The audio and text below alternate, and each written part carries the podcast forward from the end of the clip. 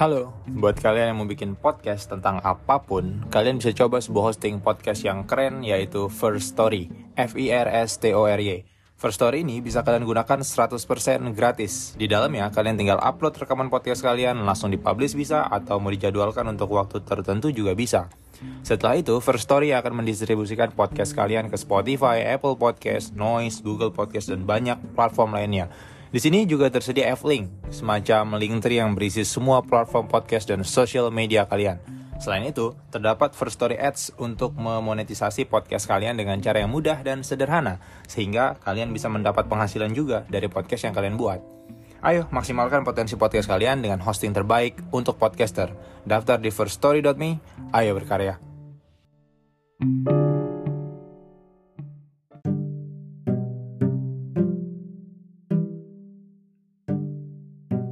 Halo, kembali lagi bersama saya dan Syah Mahendra, your book reader.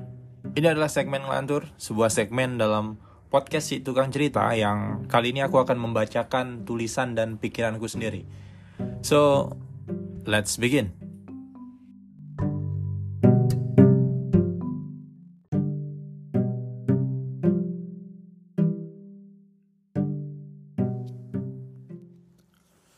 Persis seperti alur film atau manga.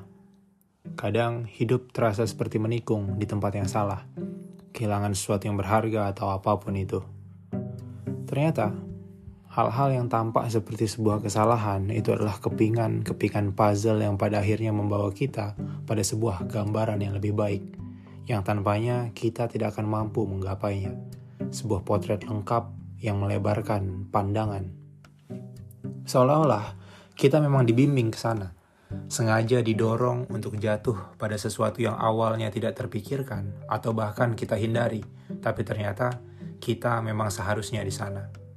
Seolah didorong menjauh tapi ternyata membuat kita tertarik mendekat pada sesuatu yang lebih baik. Terdengar sekilas sebagai kontradiksi yang remeh, tapi nyatanya begitu. Biasanya rencana yang kita buat sangat sederhana dan lurus ke depan, tepat ke tujuan namun, di dalam prosesnya, kita ke kiri dan ke kanan, kita ke atas dan ke bawah, kita ke depan dan ke belakang. Bukan hanya soal rintangan berupa kerikil kecil di balik sandal ataupun gelombang yang menggoyahkan, tapi semua hal yang tampak seperti rintangan itu bukanlah penghalang, bukan juga penghambat atau jebakan, tapi itu adalah bagian dari pos-pos pemberhentian tempat kita berpikir ulang, mengubah arah, membuat persiapan lain, mengetahui hal baru, berkembang, dan banyak lagi. Sebelum sampai ke Arabasta, Luffy dan kawan-kawan harus singgah di Little Garden, dan di sana ada satu kejadian yang sangat penting, yaitu pertarungan melawan Mr. Tree. Pertarungan itu sekilas tidak berdampak apa-apa selain menghambat perjalanan ke Arabasta. Namun, dari pertarungan sepele itu, terungkap kemampuan Mr. Tree yaitu mampu mengubah tubuhnya menjadi lilin dan dapat menjadi bentuk apa pun. Mr. Tree itu lemah, tapi licik. Setelah mengalahkan Mr. Tree, perjalanan Luffy berlanjut menuju Arabasta, dan di dalam perjalanan itu, tujuan Luffy sudah ditetapkan, yaitu mengalahkan Crocodile. Hal itu didasari oleh banyak hal heroik dalam diri Luffy yang meskipun secara kepribadian digambarkan dengan penuh lelucon oleh Oda. Yang aku bahas bukan One Piece, tapi soal hal-hal yang tampak seperti sebuah kesalahan. Sesampainya di Arabasta, tujuan Luffy hanya satu, mengalahkan krokodil. Jalan yang diambil lurus, tepat ke tujuan. Di dalam perjalanan Luffy, banyak terjadi kesalahan yang tampak menjauhkannya dari tujuan. Banyak.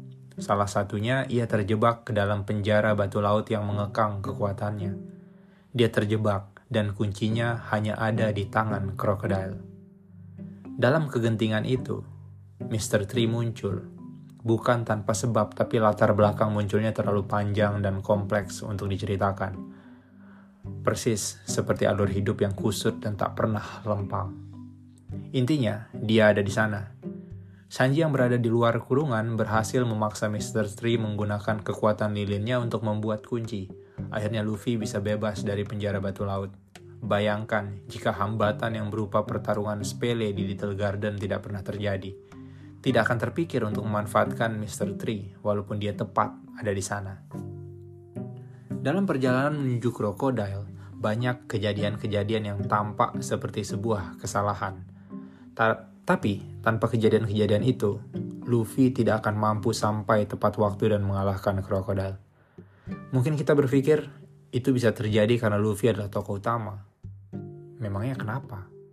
Kita juga tokoh utama di hidup kita masing-masing, sekalipun kamu menjalankan hidup demi orang lain. Hal-hal yang tampak seperti kesalahan itu tidak benar-benar sebuah kesalahan. Itu adalah sebuah titik temu, sebuah pijakan, sebuah batu loncatan. Sekian, bye. See you on next episode.